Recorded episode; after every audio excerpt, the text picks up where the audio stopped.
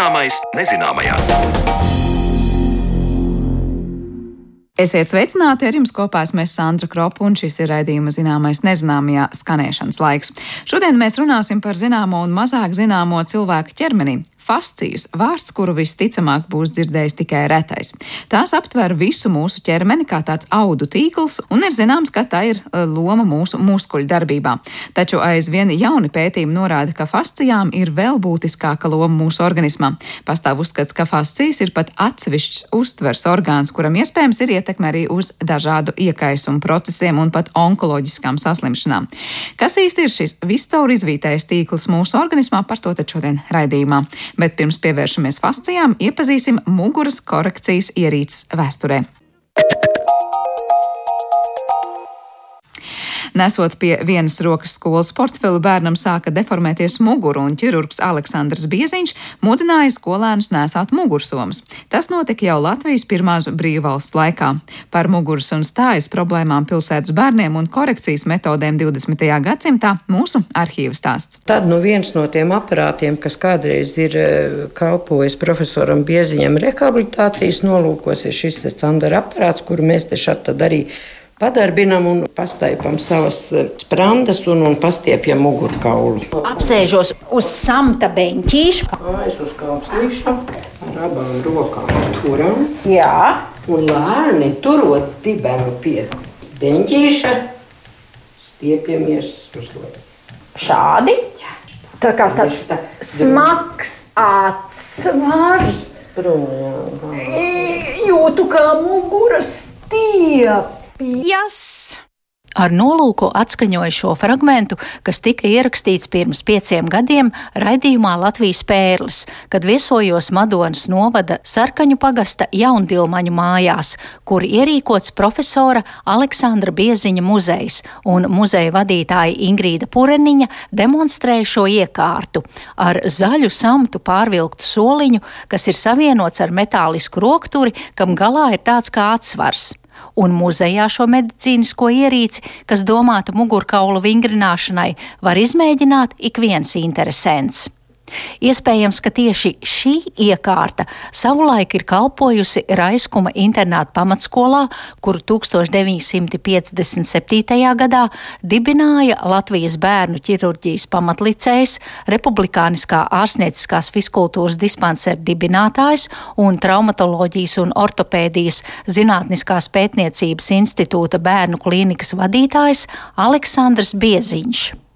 Taču ne tikai minētie mehāniskie rīki fizioterapijai, kurus 19. un 20. gadsimtu mijā izgudroja zviedru ārsts Gustavs Vilhelms Zanders un kurus var uzskatīt par mūsdienu trenažieru vectētiņiem, Izmantoja profesors Bieziņš, lai savulaik bērniem palīdzētu izveidot pareizu stāju un nostiprinātu dažādas muskuļu grupas, bet bija arī citas novitātes, kuras ārsts sāka ieviest jau pagājušā gadsimta 30. gados. Par to stāsta medicīnas doktors, bērnu ķirurgs un Aleksandra Bieziņa mazdēls Olavs Volrāts.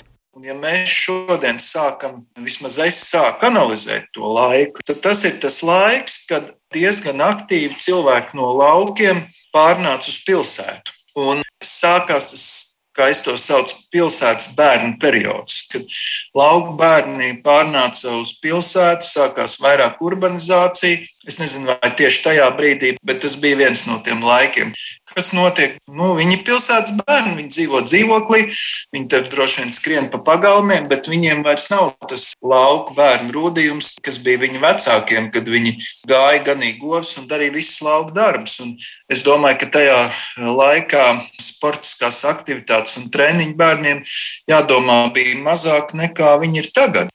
Un bērni gāja uz skolu, nesa portfelītī grāmatas, un vecais tēvs jau ieraudzīja, bērniem ir šķības muguras. Viens plecs ir augstāks, otrs zemāks.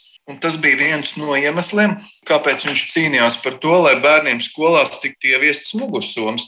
Kā zināms, kad mēs gājām uz skolu, vismaz es tad mums pirmajās trīs klasēs obligāti bija jānēsā mugursoma. Pēc tam varēja iet ar koferīti. Principā bija nu, tāds tās padomu laika mugursoms, bija tāds, bija, bet nu, bija jānēsā mugursoma. Tas bija šī iemesla dēļ, jo būtībā bērnu stāja, mēs uz bērnu skatāmies kā uz cilvēku ar kaut kādu 20, 30 gadu perspektīvu. Ja mēs tā neskatāmies uz bērnu, tad mēs viņu nevaram pareizi ārstēt. Un Mums jādomā, kāds bērns staigās pēc 20, 30 gadiem. Ja viņš ir bērnībā jau viens pleciņš augstāks, viens pleciņš zemāks, tad eh, profesors Bieziņš jau tajā laikā saprata, ka būs stājas problēmas, kas nu, rezultēsies pieaugšo vecumā ar muguras problēmām. Šis mugursoms nēsāšana tika ieviesta Un acīm redzot, dēļ tā, ka viņš bija autoritāte, arī cilvēki ieklausījās. Un arī ņemot vērā to, ka viņš bija arī viens no tiem, kas attīstīja.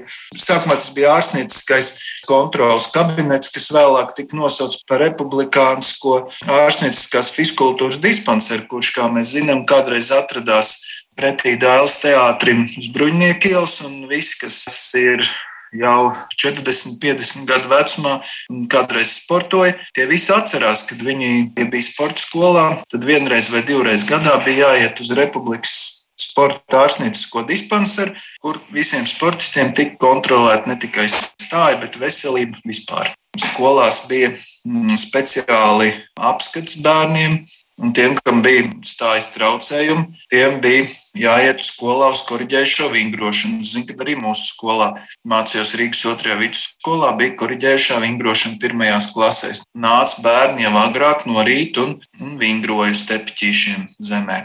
Vai ir zināms, kuru no tā saucamajiem zviedru fizioterapeita Sandera aparātiem konkrēti bērnu mugurkaulu un stājas korekcijai izmantoja profesors Bieziņš? Tas bija laiks, kad nebija iespējams ieiet veikalā un izvēlēties, kādu trendžieru mums vajag, un apskatīties YouTube, ko ar kuru trendžieru var izpildīt. Tā bija tāda paša ārstu ortopēdu iniciatīva. Un šādi, nu, es viņu nesauktu par aparātu, bet, bet tā kā jūs pareizi teicāt, tā kā trenižieris, uz kura var nu, apsēsties un stiprināt roku, plecu muskultūru. Un bērniem, kas sēž pie galda, daudz mācās, Jā, nu tiek atslābināts tās muskuļu grupas, kuras ir nodarbinātas sēžot pie galda un lasot grāmatu, jāatzīmē pie nepareiziem galdiem. Jā. Arī par to tika rūpēts, ka varbūt eh, jūs atceraties, varbūt ne, bet kad es sāku iet skolā, mums skolā bija pirmajās trīs klasēs speciālai soli, kuriem bija tādas slīpas virsmas. Un arī tas bija viens no tādiem priekšnoteikumiem, lai bērni sēdētu pie pareiziem galdiem. Jo, ja mēs zinām, ka, ja mēs iestādām ābelīti, un ja viņa ir nedaudz uh, šķība, vai viņa vējš no vienas puses vairāk pūš, viņa izaug tā apelīte šķība. Bet, ja mēs apskatāmies Rīgā, kad iestāda liepiņas, viņām katrā pusē ir kociņš. Ja? Bērnu organisms ir līdzīgs. Ja jūs viņu noliekat taisni, nu, tad viņš arī aug taisni. Un eh, ņemot vērā to, ka eh, skolā pareizs galds, tad arī bērns pareizi var sēdēt pie šī galda. Bet šobrīd tādas lietas nav. Piemēram, Skandināvijā tam pievērš ļoti lielu uzmanību arī oficiālos. Ir jābūt galdiem, kur virsmu var pacelt un nolaist, lai cilvēks var pieregulēt vajadzīgo pozīciju ilgāk sēžot. Pat brīžiem stāvēt kājās pie galda. Un šie visi iesākumi jau bija arī tajā laikā, profesora Bieziņa laikā, Viņš arī ļoti rūpējās par to, lai bērniem būtu pareizs galds skolā. Es atceros gan šādus galdus, un es domāju, ka daudzi šodienas 40, 50 gadnieki skolā pie tādiem ir sēdējuši. Jā, jā, viņiem bija slīpa virsma, un to virsmu varēja vēl tā slīpa bīdīt uz augšu, uz leju. Tas viss veicināja pareizu bērnu muskultūras attīstību mugurē. Pagājušā gadsimta 50. gados viena no smagākajām problēmām bija poliomielīts, jeb bērnu trieka, un profesors Bieziņš vadīja poliomielīta epidēmijas apkarošanas komisiju.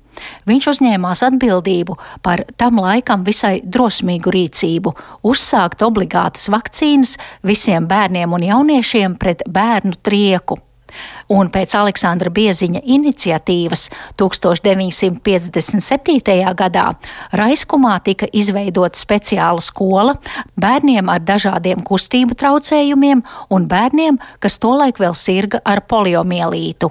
1948. gadā ar šo slimību saslima 200 cilvēki, bet 1956.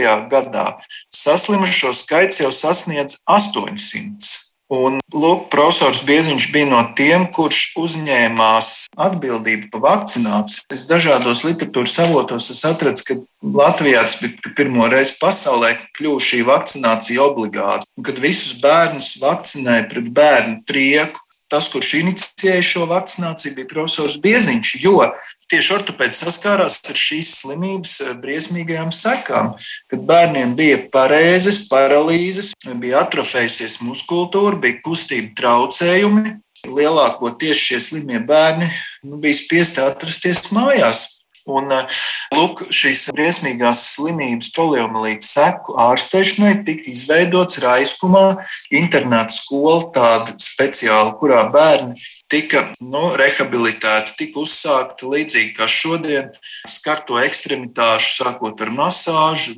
peldbaseins un pareizu vingrojumu, lai šiem bērniem palīdzētu uzlabot kustību balstu aparātu funkciju Un līdz ar to viņi arī varētu paralēli apgūt skolas mācības, jo vecākiem nebija iespējams viņus visus izvadīt pie speciālista, tāda speciālista arī nebija tā kā šobrīd, varbūt poliklīnikās. Katrā poliklinikā ir skaista fizioterapijas zāle, bet tajā laikā visi šie speciālisti tika koncentrēti raiskumā, kur bija savs ortopēds, arī profesors Pieziņš, viņš brauc viņus tur konsultēt tos bērnus. Nu, viņi tur dzīvoja un rehabilitējās. Šobrīd ir aizkuma internāta skola, pat cik nav poliomielīta slimnieku seks. Tur mācās bērnu kustību traucējumiem, un viņiem tur tiek pasniegta pilna tāda nu, fiziorehabilitācijas terapija blakus mācībām. Kuras šodien no jūsu vectēva ieviestajām vai izgudrotajām metodēm eh, vēl ar vien tiek lietotas stājas eh, korekcijai vai rehabilitācijai? Tas būtu tā varbūt pārāk skaļi teikts metodi, kuru viņš izgudroja. Es domāju, ka um, tās idejas, viss, ko viņš uzsāka, viņas jau šodien ir aktuāls. Ja? Šodien jau mums ir tās mugursomas veikalos nopērkams ļoti smuks, bet tas arī ir tā laika ārstu nopelns ortopēdi, kas tajos laikos visi brauc uz kongresiem un kopā par to cīnījās ne tikai Latvijā. Es domāju, ka tas ir svarīgi, kad Latvija ir gājusi laikam līdzi, un uh, visas tās pasaulē svarīgās problēmas ir ieviestas bijušas arī Latvijā. Un tas ir aktuāli. Mūsdienās nav bērniem skolā fizioterapijas, ja tajā laikā bija. Tomēr tie nebūs skaļi vārdi, kad profesoru Bieziņu dēvēsim par vienu no ārstnieciskās fiskultūras pamatlicējiem Latvijā, un pieņēmu, ka daudzi pieaugušie, kas padomi laikā bija spiesti nodarboties ar koriģējošo vingrošanu, šodien, ja ne priecājas, tad vismaz nesūdzas par savu stāju.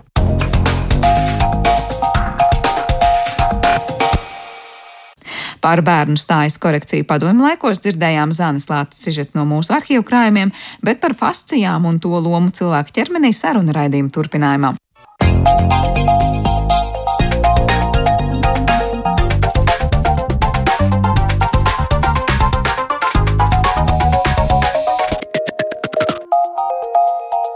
Zināmais nezināmajā. Savu ķermeni pārzinām sliktāk nekā zvaigznes visumā. Šāds apgalvojums ir tuvu patiesībai, ja runa ir par kādu maz zināmu mūsu organismu puzles gabaliņu - fascijām. Tas satur kopā mūsu muskuļus, tām medicīnā ilgstoši nav pievērsta uzmanība, bet nu jau jauni pētījumi stāsta par fasciju pārsteidzoši lielo ietekmi uz visdažādākajiem procesiem mūsu organismā. Kas ir tās fascijas? Par to šodien mēs uz sarunu esam aicinājuši izskaidrot mums visus šos jautājumus Rīgas Tradiņu Universitātes anatomijas un antropoloģijas institūtā institūta docenti un antropoloģijas laboratorijas vadītāju Silviju Braško. Labdien! Labdien! Es domāju, ka nevienam mūsu klausītājam šis ir tāds pamatīgs svešvārds, fascijas. Kas tas ir un kur mūsu ķermenī kaut kas tāds atrodas? Mm, tik tiešām tas ir ļoti interesants temats un nebūt nelīdz galam izpētīts temats. Um, atradu internetā pētījumus, uh, ar uh, kurus veids pamatā fizioterapeiti manuālisti. Lūk, un, un, um, protams, es varu izstāstīt visu, ko es zinu tieši tā, kā mēs dodam medicīnā un anatomijā, bet um, par manuālistu pētījumiem es tikai kādu ieskatu varu dot. Ja? Jo pati neesmu nodarbojusies ar šiem pētījumiem. Lūk, kas tad ir fascija? Nu, fascija no latīņu valodas tulkojās saite, binte. Ja? Tātad kaut ko apsaitē, kaut ko ietver. Lūk, un e, medicīnā mēs uzskatām, ka fascija ir ķermeņa saistaudu apvalks. Un tieši anatomijā fascijas mēs uzskatām kā muskuļu papildu aparāti.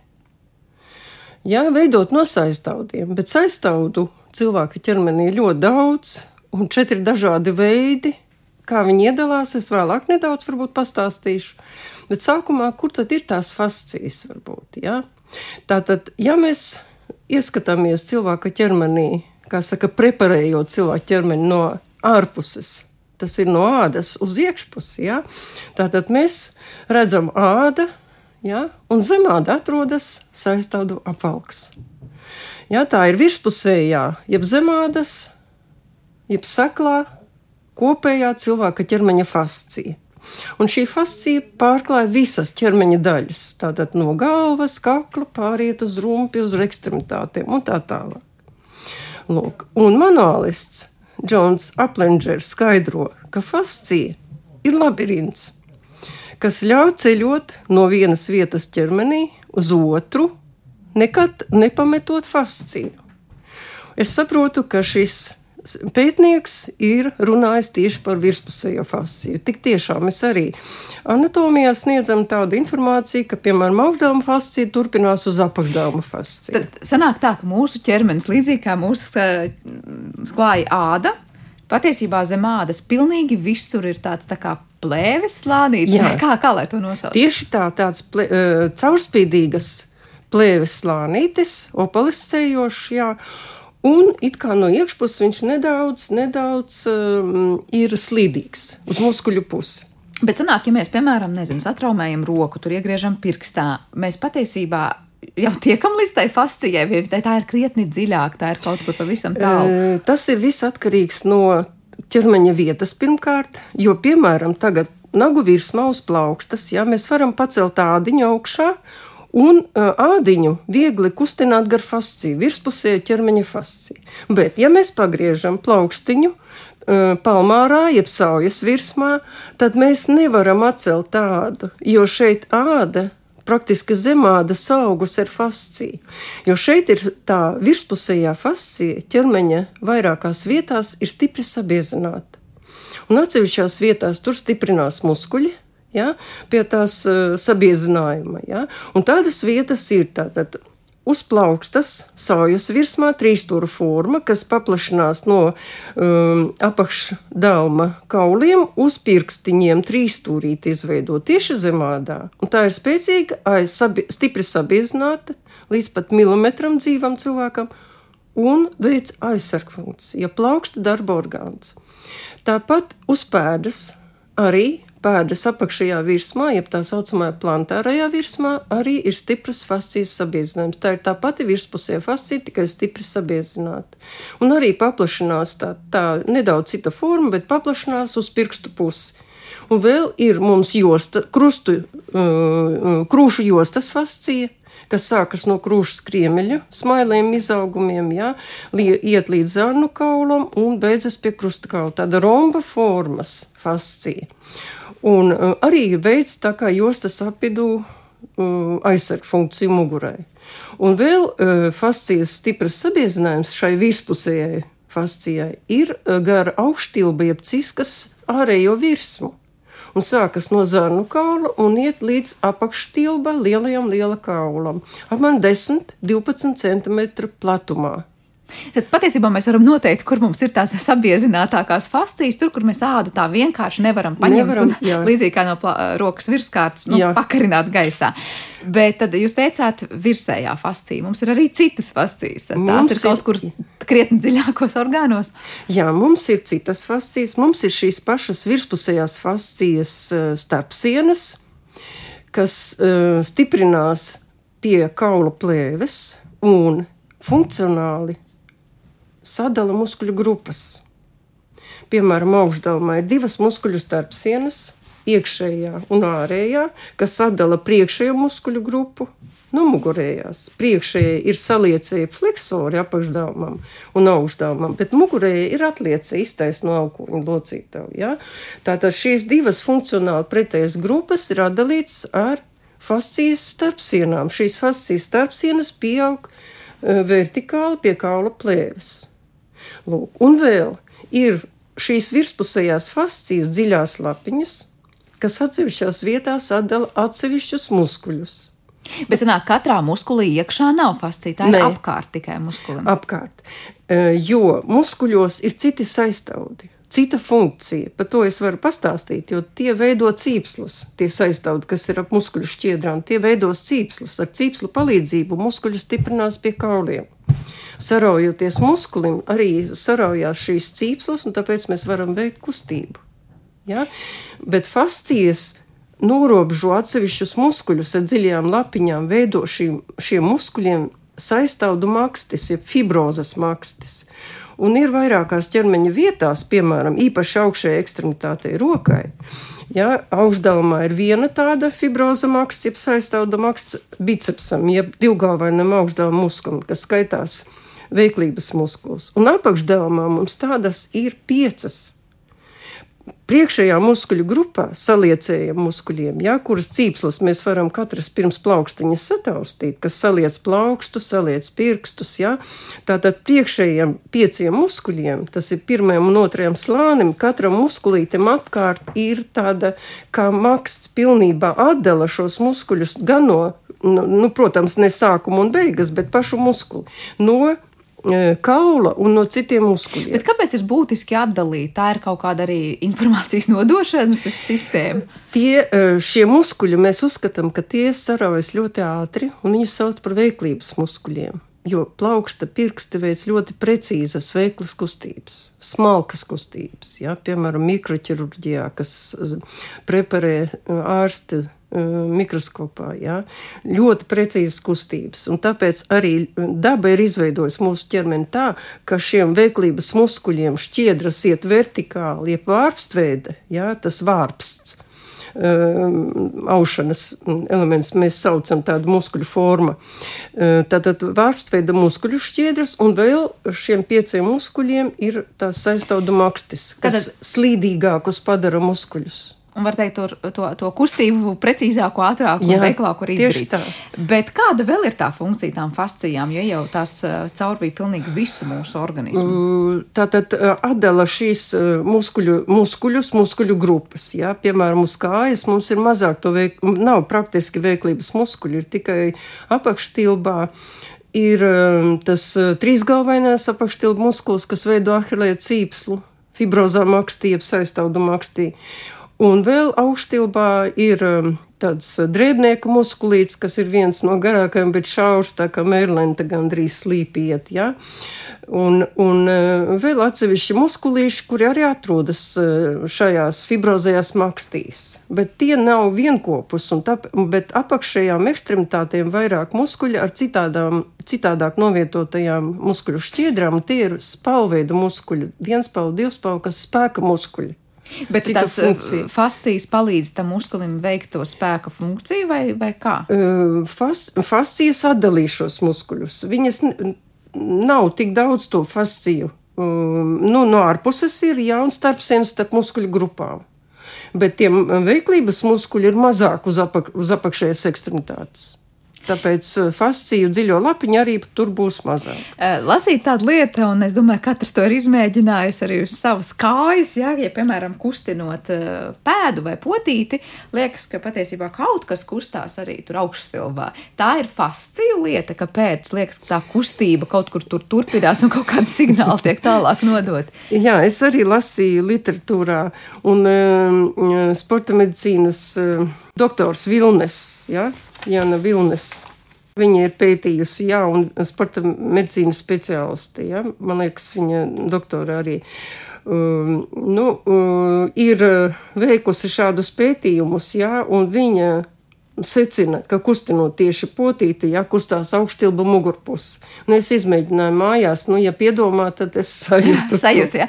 Bet, jā. bet kaut kāds pamatojums jau droši vien ir, ko tā fascija tur ir tā. Varētu būt, jo fascijas jau, kā saka, viņas piefiksējas pie kauliem, bet principā viņas arī turpinās uh, uz uh, citu ķermeņa daļu, jā. Tā kā, nu, manuālisti uzskata, ka ka fascijas ir veidot tādas kā vilcienus eh, saistībā ar kustībām un tā tālāk, kustina mūsu ķermeni. Es uzskatu, mm, tas ir mans personīgais uzskats, ka mums jāskatās cilvēka ķermenis kā viens vesels vienots. Kustina cilvēka ķermeni muskuļi. Nenolieksim to. Ja? Un fascijas ir, kā saka, piedalās līdz ar muskuļu kustībām ja, tajās uh, muskuļu kustībās, tieši funkcijās. Bet vai varētu fascijas nosaukt arī par tādu kā maņu orgānu, kas caurvīja visu um, organismu? Jo savukārt lasīts arī, ka ļoti bieži sāp vienā vietā, bet patiesībā liekas cēlonis ir citā, un fasciju dēļ ir tā sajūta, kas rodas. Zinat, kas, kā es pateikšu tādu lietu, ka virs fascijām Ja, zem ādā virs fascijām atrodas ļoti daudz uh, tie sensorie nervi, iepjušanas nervi, kas sākas no receptoriem ādā. Lūk, un vēl uh, fascijas caurur veģetīvās nervu sistēmas šķiedras, ja, kas kopā ar asinsvadiem sasniedz asinsvadus uh, kapilārus ādā, sasniedz gludos muskuļus ādā, kas atrodas katra mata saknes, um, ādas mata saknē. Ja? Un, kad zosāda veidojas, tad mums saraujas tas gludais muskulīts. Tas ir saistībā ar tām sensorām, nesens veģetīvajām šķiedrām. Un vēl ādā mums ir tauku dziedzeri un, un, un sviedru dziedzeri. Kā kurā ķermeņa vietā, vairāk vai mazāk, bet arī līdz sviedru dziedzerim pienāk veģetatīvās šķiedras. Lūk, un zemādā, tātad virs tām virspusējām fascijām atrodas visi uh, visi nervi, tie, tie seklie nervi, ja, kas sasniedz ādu. Tā, veģet... tā kā tā patiesībā būtu to nervu nopelns. Jā, nu, kā... Es domāju, ka jā, un arī līdz ar to, bet nu, nav tāda pētījuma, varbūt tas kaut kas nu, tāds, ko varētu izpētīt jā, ko mēs īsti vēl nezinām. Bet kā ar, piemēram, vēdera dobumu, ja mēs tagad iedomājamies, tur arī mm -hmm. ap katru orgānu būs sava fascija, un var teikt, tas būs tāds maiss, kas noturēs tos orgānus savā vietā. Nu, proti, kāpēc mums jā. nieres ir tur, kur tās ir, un nevis kaut kur mazliet uz augšu, mazliet uz leju? Redziet, kā es jau minēju, ir vairāki saistaudu veidi.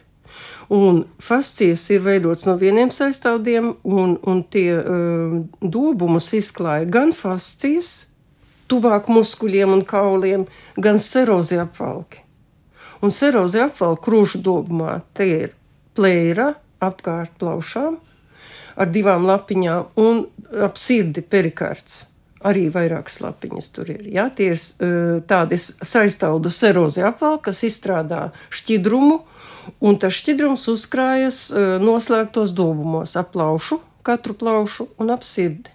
Un tāpat ir vēdera dobumā, un tā ir vēdera plēve. Un vēdera plēve, izklājot vēdera dobuma sienas, ja, virs, uz iekšpusi no fascijas atrodas vēdera iekšējā fascija. Tā ir dziļā fascija. Jā. Un, jo, un, un tā tad tuvāk muskuļiem un kauliem.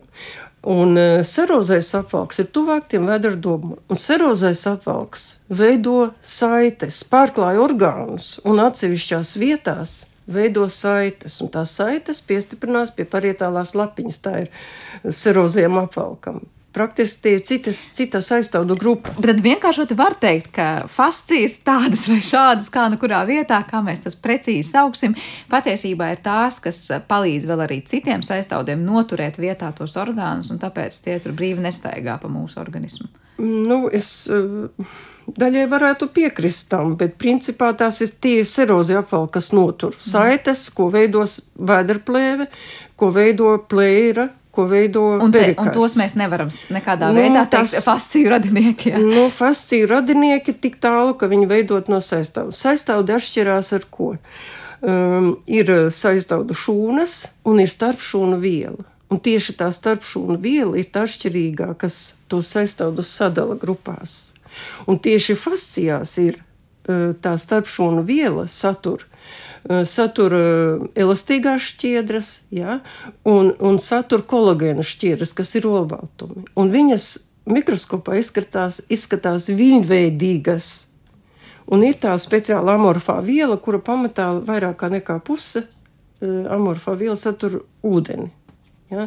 Tāpēc tur vielu maiņa notiek. Tad, tad tā funkcija viena, ka tur fasciju iekšējā tajā amorfajā vielā ir notiek vielu maiņa, uztur homeostāzi organismā. Mums Tad, arī. uh, lai mūsu āda izskatītos jaunāk un tvirtāk, tur ir svars, uh, tur ir nozīme tajā. Uh, vai tā fascija ir, nu, var teikt, nezinu, pietiekoši ar ūdeni bagāta vai, Jā. vai ar to kolagēnu? ļoti, ļoti mm, liela nozīme tam. Un eh, arī um, lasīju arī eh, zinātniskos pētījumus, ka ļoti svarīgi arī svarīgs ir uzturs. Jo tās olbaltumvielas, kas ir fascijā iekšpusē, elastīns un kolagēns ir olbaltumvielas. Jā? Tātad viņas noārdās un vajag papildināt viņas. Un ar ko mēs varam papildināt? Tikai ar uzturu. Kas ir jāēd, lai fascijām būtu labi? Olbaltumvielām bagāti uztura produkti. Un vēl lasīju, ka cukurs, ja, cukurs ir kaitīgs tieši fascijām, jo tas veido tādus ķīmiskus savienojumus, ja, kas samazina to uh, elastību un, un, un kustību tām fascijām no iekšpuses. Bet kas tad notiek tās pašas fascijas, var, es nezinu, kļūt tādas netik elastīgas ar kaut kādiem sabiezinājumiem? Jā. Tā, Nezinu, kaut kāda zemādas taukus, burbulīši vai bumbulīši, Viņas- tas būs fascijas varbūt? Fascijas var pielikt pie muskuļiem un samazina un veido arī tādas uh, fascija nestiepsies. Jā, jo tās šķiedras, elastīna un kolagēna šķiedras, viņas uh, var stiept. Tāpēc fascija, piemēram, stiepjot muskuļus, jā, jogā vai kādā citā uh, nu, nu, tajā uh, kustību aktivitātē, jā, mēs stiepjam tos muskuļus. Stiepjot muskuļus, fascija neplīst. Bet, bet stiepjās. arī. Stiepjās. Un tas fascijai ir va vajadzīgs. Vajadzīgs, obligāti. Tātad eh, veselīgais dzīvesveids eh, pilnā plaukumā. Tātad jāēd olbaltumvielām bagāts uzturs un ir vajadzīgas fiziskās aktivitātes un tieši stiepšanās vingrinājumi. arī, arī stiepšanās, un arī, arī, mm, arī uh, ūdens. Uh, Nevien tikai stiepšanās, bet vajag arī, nu, kā saka, muskuļi stiepjoties. Un Mēs netrenējam muskulus, mēs viņu pastiepjam. Tikai viena stiepšanās arī nedara. Ir vajadzīgs arī muskuli fiziski noslogot, jā, dinamiskais darbs, ne tikai tas stiepšana. Un tad, laikam, arī mums ir bijušas sarunas, kurās arī sporta ārsti ir teikuši, un sporta fiziologi ir teikuši, ka pēc, pēc fiziskās slodzes ir svarīgi izstiepties, gan ne tikai, lai nebūtu tās muskuļu sāpes tādas nākamajā dienā, Jā.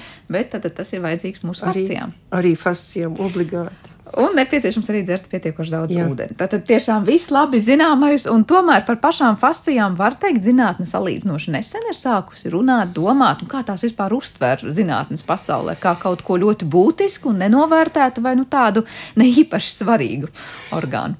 Jūs zinat, eh, nu, es domāju, ka pētījumi skar kaut kur 10, 15 gadus pēdējos, bet vairāk ar fasciju pētījumiem nodarbojas tieši fizioterapeiti un manuālisti.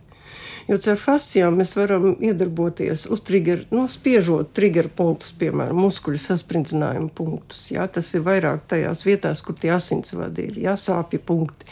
Un spiežot attiecīgi triggeru punktus, sāpju punktus, jā, tātad mēs iespaidojam arī citās vietās fasciju, kā paliek vieglāk. Ja, tāpēc, tāpēc noteikti tā arī manuālisti e, uzskata, ka ir nepieciešama gan triggeru punktu masāža, gan vienkārša masāža, gan kustības. Uh, bet kā pasaule uzzināja par šīm fascijām vispār? Nu, tas, es domāju, ka tas ir anatomu nopelns. Bet tas bija salīdzinoši senā jā, pagātnē. Senā pagātnē, jā, senā pagātnē jau, jau preparējot cilvēku ķermeni, jau atradīja. Tad jau zināja, ka Tad tādas jau zināja, jo tās saistāvdu plēves jau zemādā var redzēt. Arī preparējot starpsienas var redzēt. Jā, nu, jebkurā gadījumā tad, tad ā, labi zināms, sen vai vismaz par to eksistenci ir zināts, bet pietiekoši maz runāts, laikam. Jā. Jā. Nu, tātad tiešām, ja mēs paklausāmies to lomu, ka fascijas ir vajadzīgas, lai mēs varētu funkcionēt, jā, lai mums nesāpētu arī muskuļi, un es pieņemu arī daudz, kas ir tur problēmas, ja sākas ar cīpslām vai daudz ko citu. Mēs mainām to slodzi, kas kam ir kā jānes un jādara mūsu organismā, ja neesam rūpējušies par to, lai tās fascijas būtu gan pabarotas, gan pietiekoši ūdeni saņēmušas, gan pietiekami izstieptas. Nu, fizisko slodzi mums vajag dažādot. Un, un, un, un saka, gan jaudu, gan, gan uh, gan kustību uh, kvalitāte, arī kvalitāte ļoti svarīga. Jā, kustību kvalitāte, vienpusēja slodze, nederīga, uh, pārāk uh, agra specializācija arī tiek uzsver treneri, ka nedrīkst to, jā, pārāk agra specializācija. Vajag trenēt uz visām muskuļu grupām, trenēt atsevišķas muskuļu grupas, uzskatu, arī īsti pareizi nav. Kaut gan ir pētījumi, kas pierāda pretējo, bet uh, lasot uh, zinātnisko literatūru, liekas, ka katrs zinātnieks uzsver tikai to, kas, ko viņš ir pētījis, ka tas ir vissvarīgākais. Jā, nu te mēs nonākam pie secinājuma, ka jāskata viss kopumā, gan Jā. cilvēku ķermenis, gan arī zinātniekiem pētot to. Pavisam īsi pēdējais jautājums, vai mēs sasaistam šobrīd ar tiem pētījumiem, kas notiek, kāpēc ir vērts pētīt fascijas, ka tur ir kāda saistība ar ļaundabīgiem audzējiem, iekaisīgiem procesiem, daudz ko citu? Jā, fascijas, fascijas uh, rūpējas arī par to, piemēram, zemādā, kad veidojas iekaisums, jā, tad viņas veido tādu kā kapsulu apkārt iekaisumam tās uh, fascijas šūnas, aizstādu šūnas. Ja? Un, un, piemēram, onkoloģiskajiem slimniekiem ja, ir pētījumi. Te gan laikam mediķi pētījuši, es piemirstu uzvārdu. Un viņi teica, piemēram, samazina krūts iedzera vēža attīstību. Ja? Jo krūts iedzeras atrodas uz krūšu fascijas virspusējās lapiņas praktiski zemādā krūdziedzers. Ja? Un trenējot muskuļus, mēs iestiepjam krūšu fasciju un līdz ar to notiek apasiņošana. Un praktiski tādi pētījumi ir. Nu, ko, tiešām tas iedvesmo, man liekas, katram mūsu klausītājam šodien piedomāt par mūsu veselīgo dzīvesveidu arī fiziskajām aktivitātēm, lai turētu mūsu templi, mūsu ķermeni kārtībā. Paldies jums liels par sarunu. Rīgas Tradiņu universitātes docente un antropoloģijas laboratorijas vadītājs Silvija Braško šodien bija mūsu raidījuma zināmais nezināmajā viesņa. Paldies par šī raidījuma producēšanu Paulai Gulbinskai, mūzikas redaktoram Girstam Bišam, skaņu režijā bija Kristīna Dele un studijais Sandra Kropa. Uz tikšanos!